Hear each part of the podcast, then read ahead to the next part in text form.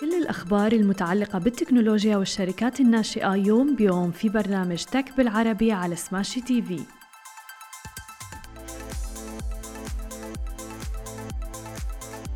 صباح الخير وأهلا وسهلا فيكم ببرنامجكم Tech بالعربي. معكم أنا هالة بسام ومعنا بخلف الكواليس علي. خلونا بداية نحكي عن أهم العناوين اللي رح نحكي فيها بنشرتنا لليوم. سبوتيفاي تدرس الاستحواذ على أنغامي وباي موب تتوسع في الإمارات وباي تابس السعودية تستحوذ على ديجيتال باي وبداية أكيد نحكي عن خبر سبوتيفاي وأنغامي. تبحث منصة سبوتيفاي المتخصصة ببث الموسيقى والأغاني من حول العالم في إمكانية الاستحواذ على منافستها في منطقة الشرق الأوسط منصة أنغامي. تم إدراج أنغامي في بورصة ناسداك في شباط فبراير الماضي وكشفت مصادر أيضا أن الفكرة كانت أن أنغامي رح تطرح للجمهور إذا أبدت سبوتيفاي اهتماما بالاستحواذ عليها. لذلك تم اقتراح اتفاقية اندماج لتسريع عملية الاستحواذ. وكانت أنغامي أول شركة عربية لتكنولوجيا الصوتيات مدرجة في بورصة ناسداك نقلت مقرها الرئيسي من بيروت إلى أبو ظبي العام الماضي. وتأتي هذه الخطوة في إطار شراكتها مع برنامج أبو ظبي للاستثمار للابتكار وكان بقيمة 2 مليار درهم وتم طرح المنصة للشرق المنصة الموجودة في الشرق الأوسط للاكتتاب العام من خلال اندماج مع شركة استحواذ ذات أغراض خاصة اللي هي السبا باك بقيمة 220 مليون دولار. وأطلقت أنغامي أيضا في عام 2012 تحديدا واللي هي بتمتلك أكثر من 58% من حصة السوق في الشرق الأوسط مع 1.28 مليون مشترك و19.5 مليون مستخدم نشط. ومن جانبها لدى سبوتيفاي أكثر من 456 مليون مستخدم نشط شهريا و195 مليون مشترك عن طريق الدفع والاشتراك. ولدى أنغامي صفقات أيضا مع روتانا السعودية وأيضا النجم المصري المشهور عمرو دياب. وتم إدراج شركة البث الصوتي السويدية اللي تأسست في عام 2006 أيضا في بورصة نيويورك بقيمة 30 مليار دولار تقريبا. أنتم خبرونا هل تتوقعوا فعلا انه تتم الصفقة وتستحوذ سبوتيفاي على منصة أنغامي؟ خبرونا على مواقع التواصل الاجتماعي الخاصة بسماشي TV.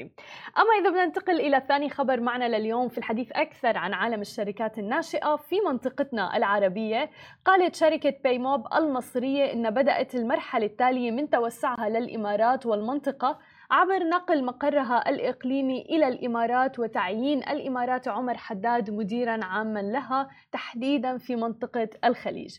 وذلك بعد أسابيع من إغلاقها جولة استثمارية Series B قدرها 50 مليون دولار أمريكي.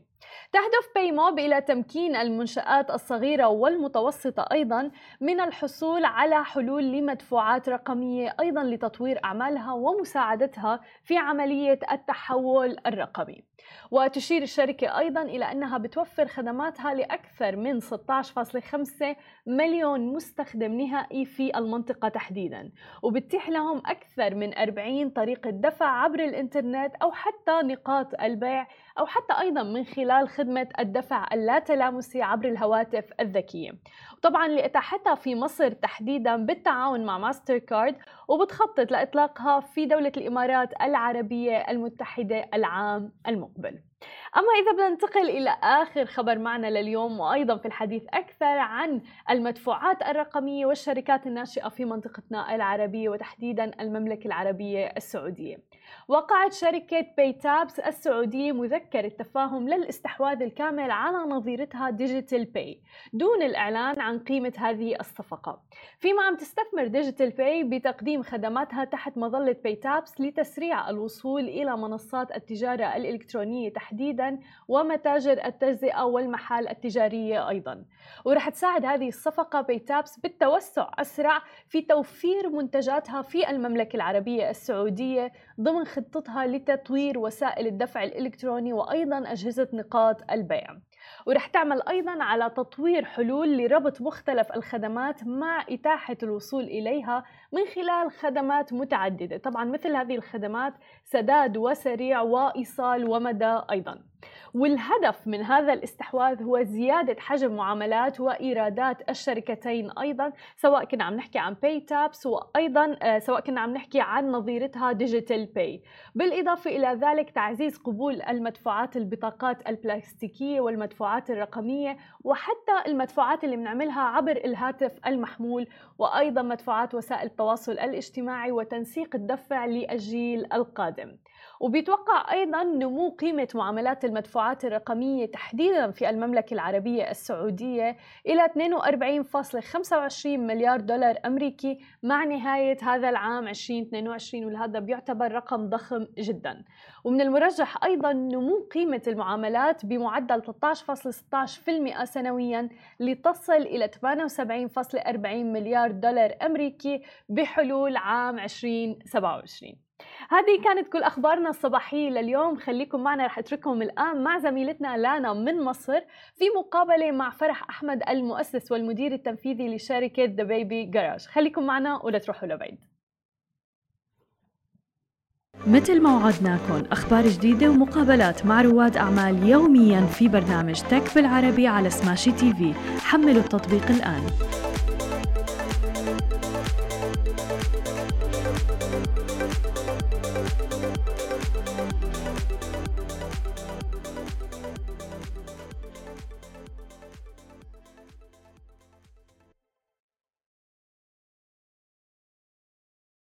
الخير في حلقة النهارده من تيك بالعربي. معانا فرح أحمد مؤسسة ذا بيبي جراج. أهلا يا فرح. إزيك يا لنا؟ الحمد لله تمام. فرح في البداية كلمينا عن فكرة ذا بيبي جراج وإيه الخدمات اللي بتقدمها الشركة. أوكي. ذا بيبي جراج هي فكرة وليدة 2015 وكانت نتيجة إن أنا كنت أول مرة ببقى أم وقتها وكنت full time corporate employee عادي جدا زي زي أمهات كتير بتشتغل. ولقيت نفسي فجأة معايا baby صغير. آه، محتاسة مش عارفة what to expect بكرة الصبح هصحى ألاقيه محتاج إيه مش محتاج إيه إمتى ألبي له احتياجاته إمتى أفهم العياطة دي معناها إيه. لا ومحتاج بقى products كتير قوي المفروض أشتريها أنزل السوق ألاقي varieties من الببرونه الواحدة الاقي مثلا 12 نوع. طب أنهي الأفضل لطفلي أنهي مفيد لي؟ أنهي مش مفيد لي؟ بنشتري حاجات كتير قوي بتبقى فلوسها غالية لأن منتجات الأطفال غالية كلنا عايزين نجيب أحسن حاجة لأولادنا. وفي الآخر ممكن تتركن وما تستخدمش لأن ال lifetime cycle بتاعت ال products بتاعت البيبيهات قصيرة جدا بيكبروا بسرعة وكل يوم ليهم احتياجات جديدة. فكنت محتاسة جدا وبدأت الفكرة ب community صغيرة على ال social media ال in no time يعني ممكن مثلا في خلال أسبوع من صفر بقينا 6000 أم. إحنا النهارده الحمد لله حوالي 830 ألف أم موجودين على ال social media. بتجمعنا حاجة واحدة. هو إن حد يقول لنا أطفالنا محتاجين إيه في كل مرحلة وإن إحنا نقدر ندي نصايح لبعض فيما يخص مشتريات أطفالنا نقدر نثق فيها من غير ما نتخدع بالعروض التجارية اللي ممكن تخلينا نشتري حاجات إحنا مش محتاجينها. وفي نفس الوقت نقدر ن circulate ال products دي مرة تانية لأمهات تانية ممكن تكون محتاجاها لأنه في حاجات بتبقى غالية قوي مش بستخدمها كتير زي مثلا ال strollers أو car seats أو الكلام ده. وهي دي الفكرة الأساسية أو هو ده ال core الأساسي بتاع بيبي جراج هو إن أنا أقدر أشتري وأبيع منتجات أطفالي على نفس المنصة. طيب فرح في البداية لما بدأتوا كده أكيد واجهتكم تحديات فكانت إيه الصعوبات وإزاي تغلبتوا عليها؟ أوكي إيه لما بدأنا الفكرة في 2015 وده كان الحقيقة قبل ما نبدأ أصلا أي مشروع تجاري يعني إحنا مشروعنا التجاري بدأ فعليا في 2020 من سنتين فاتوا لكن من 2015 ل 2020 إحنا كنا عاملين volunteer work وكنا فقط عاملين ده as cause for the community إحنا عايزين نساعد نفسنا كأمهات ونساعد أمهات تانيين. فده Baby Garage هي اتبنت على كتف أمهات وكان منهم كتير عاملين volunteering التحديات اللي قابلتنا في الأول إن كان concept ال garage sale في الوطن العربي مش موجود. إحنا قلنا انه مثلا منتجات غالية فيلا نبدل مع بعض. أنا عشت شوية في بلد بره فكان عندي ال culture دي فكرة ان أنا ما عنديش مشكلة ان أنا آخد منتج مستعمل من حد تاني واستخدمه طول ما هو مناسب لطفلي وفي حالة كويس. فكرة ال garage sale كانت هو أول تحدي لينا إن إحنا نبتدي نقول للأمهات مفيش مشكلة ومفيش كسوف ومش عيب إنك تبيعي منتج طفلك ما بقاش يستخدمه وتستغلي الفلوس في إن انت تجيبي منتج تاني. فده كان أول تحدي من التحديات. في تحدي تاني وده كان حقيقة كان critical قوي. إن إحنا لقينا الأمهات بتدي نصايح لبعض في حاجات ممكن تكون شوية طبية أو حاجات محتاجة رأي خبير. ما ينفعش من أم لأم ننقل المعلومة لأن ممكن يكون فيها مسؤولية أو liability أو ضرر يلحق بال baby لأنه مش كل البيبيهات في الآخر زي بعض ومش كل احتياجاتهم زي بعض فده كان challenge تاني خلانا في مرحلة النمو بتاعتنا من 2015 ل 2020 قبل ما نقلب مشروع تجاري إن إحنا نعمل منصة محتوى فيها محتوى أصلي بيتم مراجعته من خبراء ودكاترة علشان ما ننقلش معلومة مغلوطة من أم لأم. تمام طيب أنتوا إيه ال business model الخاص بالشركة؟ آه، إحنا The Baby Garage ال business model بتاعها قائم على آه، كذا component ال component الأساسي هو ال marketplace أو السوق التجاري اللي تقدر فيه الأم تدخل تعمل shopping لاحتياجات أطفالها سواء منتجات جديدة أو منتجات تم اقتنائها قبل كده من أمهات تانيين. وفي نفس ال component ده بن- بنتيح للأم إن هي تدخل من على نفس storefront إن هي تبيع منتج كان عندها قبل كده سواء اشتريته من عند Baby Garage أو اشتريته من أي marketplace تاني أو من أي آه، محل تاني أو source تاني. فده ال module الأولاني ال module التاني خاص بالمحتوى الأصلي فيما يخص ال lifestyle الخاص بالأمهات والأطفال. هي مدونة محتوى فيها أكتر من قسم آه، بيكلم الأم عن ال lifestyle بتاعها ال lifestyle بتاع طفلها آه، تتوقع إيه في مراحل نمو طفلها المختلفة آه، بنديها guide كامل لل shopping إزاي تختار منتجات معينة بعينها سواء جديدة أو مستعملة هل هتحتاجها فعلا ولا لأ؟ أبص على أنهي features في المنتج قبل ما اشتريه عشان ما أشتريش حاجة أنا مش محتاجاها. وهكذا. وعندنا component تالت أساسي قوي هو لتمكين الأمهات والستات اللي قاعدين في بيوتهم لأن كتير مننا وكان منهم الحقيقة أنا في فترة معينة من ال career بتاعي إن أنا اضطريت بعد ولادة آه، طفل ليا إن أنا أقعد شوية في البيت. ليه؟ عشان أدي اهتمام لطفلي. بس في نفس الوقت الأمهات اللي متعودة تشتغل بتبقى محتاجة إن هي تكمل شغل وتحس إن هي بت بت بتأدي حاجة أو بتشغل وقتها بحاجة غير البيبيهات. فعملنا component لتمكين الست اللي قاعدة في البيت سواء أم أو لأ بس عندها استعداد إن هي تتاجر في منتجات الأطفال. وعملنا اشتراكات للأمهات اللي عندها آه، ال- الموهبة بتاعه البيع إن إحنا بنديها access لبضاعة. آه، ل technology لخدمات الشحن والتسويق وكل اللي يخليها تقدر إن هي تعمل مشروع قائم كامل من البيت في تجارة منتجات الأطفال. فابتدينا نديهم الخدمات دي مقابل اشتراك شهري ونمكنهم ونديهم access كمان ل microfinance من جهات معينة متعاونين معاها في الدولة علشان تبدأ مشروعها الخاص من البيت. يعني الحمد لله إحنا عندنا في أمهات بدأت من صفر عندها النهارده ثلاث وأربع فروع محلات physical في أماكن محترمة جدا across الجمهورية ولسه بيستخدموا The Baby Garage ان هو المكان كانه فرع من الفروع بتاعتهم اللي بي- بيتم فيها التجارة الخاصة بيهم. طيب بمناسبة الكلام عن الأمهات وال- والشغل وكده يعني بتجربتك الشخصية إزاي؟ انت واكيد في ستات كتير بيسألوا عن كده إزاي. حققتي توازن بين حياتك الشخصية كأم وبين شغلك؟ آه، هي طبعا مش سهلة لأنه إحنا كأمهات في الآخر إحنا عندنا full-time job خاصة باولادنا ف وإن انت توازني ما بين الاثنين دي حاجة صعبة جدا جدا جدا. بس اللي ساعدنا في The Baby Garage إن ال core بتاع ال business هو أصلا لخدمة الأم والأطفال. فدي حاجة أنا دايما بقولها وبعتز بيها إنه أنا وكل واحدة اشتغلت في The Baby Garage كنا أول زباين لينا. our first own customers لأن أنا بلبي احتياجاتي. واللي أنا عارفة إن هي common ما بيني وما بين أمهات تانيين كتير في ال community فبقينا بنخدم بيوتنا وبنخدم عائلاتنا وزي ما بنخدم عائلات تانية كتير. فحتى إن إحنا كل يوم الصبح بنصحى أنا عارفة إن أنا رايحة الشغل بس أنا بعمل social impact أنا بعمل أنا بعمل cause أنا بعمل حاجة تفيد المجتمع وده اللي كان مخلينا قادرين نكمل حتى لو بنشتغل ساعات أكتر من الطبيعي حتى لو إن أنا بحط وقت في البيت لصالح الشغل. بس ما عندناش إحساس بالتعب أو بالإرهاق مهما اشتغلنا ساعات زيادة لأن في social impact ورا الموضوع. وبشوية تظبيطات من بيئة العمل اللي سهلتها لنا في The Baby Garage إن إحنا عاملين مثلا flexible hours للموظفين. اشتغلنا فترة ب work from home policy طبعا دي كانت across العالم كله عشان ال pandemic بس كان في ظروف معينة في خلال السنتين اللي فاتوا ساعدونا إن إحنا نحقق ال balance للأم ما بين الشغل وما بين البيت. وفي نفس الوقت بنعمل impact كبير قوي لمستخدمين The Baby Garage طيب انت يا فرح شايفة إن قطاع ريادة العمل في مصر مشجع لل- للستات إن هي تبدأ مشاريعها يعني شايفة القطاع عامة حوالينا في مصر عامل إزاي ككل وكخاصه للسيدات؟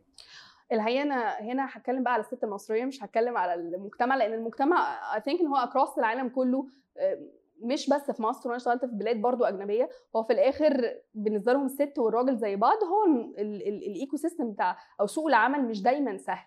بس الست المصرية لو عايزة تعمل حاجة هتعملها.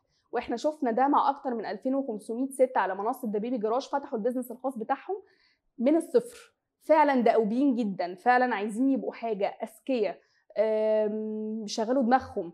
فالست المصرية مختلفة عندها الحمية ودؤوبة قوي ولما بتلاقي إن حد فعلا بيمد إيده وبيساعدها هي هتشتغل على نفسها وهتقدر توصل لده. ال ecosystem بشكل عام في مصر ابتدى يتطور سنة على سنة. إحنا عارفين إنه كان في فكرة ال startups مش دايما بنلاقي دعم متواصل للستات آه، بنلاقي شوية challenges ليها علاقة بإنه إحنا عايزين ال founder يبقى راجل أو نحب يكون في رجالة أكتر في ال team لأن ممكن يكون آه، شايفين إن هم بيتحملوا مسؤولية أكتر أو الظروف إن الست بيبقى عندها بيتها beside الشغل etcetera بس الحقيقة ده في خلال الكام سنة اللي فاتوا إحنا شايفينه وقادرين آه، نشهد إن هو بيتغير من سنة لسنة ومن شهر لشهر آه، والستات تاخد فرص أكبر. بقى في programs dedicated فقط لدعم السيدات بقى في micro financing programs فقط للستات بقى في workshops فقط للستات. فأنا الحقيقة بشجع كل ست عندها استعداد إن هي تبدأ مشروع صغير من البيت تبدأ وتحط رجلها على أول الطريق ولو ركزت هتقدر توصل لحاجة. بالنسبة لبيبي جراج إيه الخطط المستقبلية؟ هل في خدمات هتضيفوها جديدة؟ هتتوسعوا في أماكن تانية؟ إيه الخطط المستقبلية؟ okay. إحنا الفترة اللي جاية في حاجتين أساسيين حابين نركز عليهم هو إن إحنا نكمل في المشروع بتاع تمكين الست والمرأة المصرية إن هي تقوم ال business الخاص بتاعها على منصة بيبي جراج الظروف الاقتصادية ما بقتش مساعدة آه، وشايفين إن إحنا أي دعم هنعمله هيكون إن شاء الله ليه آه، دور في إن الأسرة المصرية بشكل عام آه، دخلها آه، يتطور والست تساعد آه، في زيادة الدخل الخاص بالأسرة. فده فكرة آه، برامج التمكين دي حاجة إحنا مركزين فيها جدا. آه، إن شاء الله قريب قوي هنعلن عن شراكات مع جهات كبيرة آه، عن ال micro finance للستات اللي شغالين على the بيبي جراج وطبعا ال module التاني الخاص بتجارة منتجات الأطفال اللي تم اقتناعها قبل كده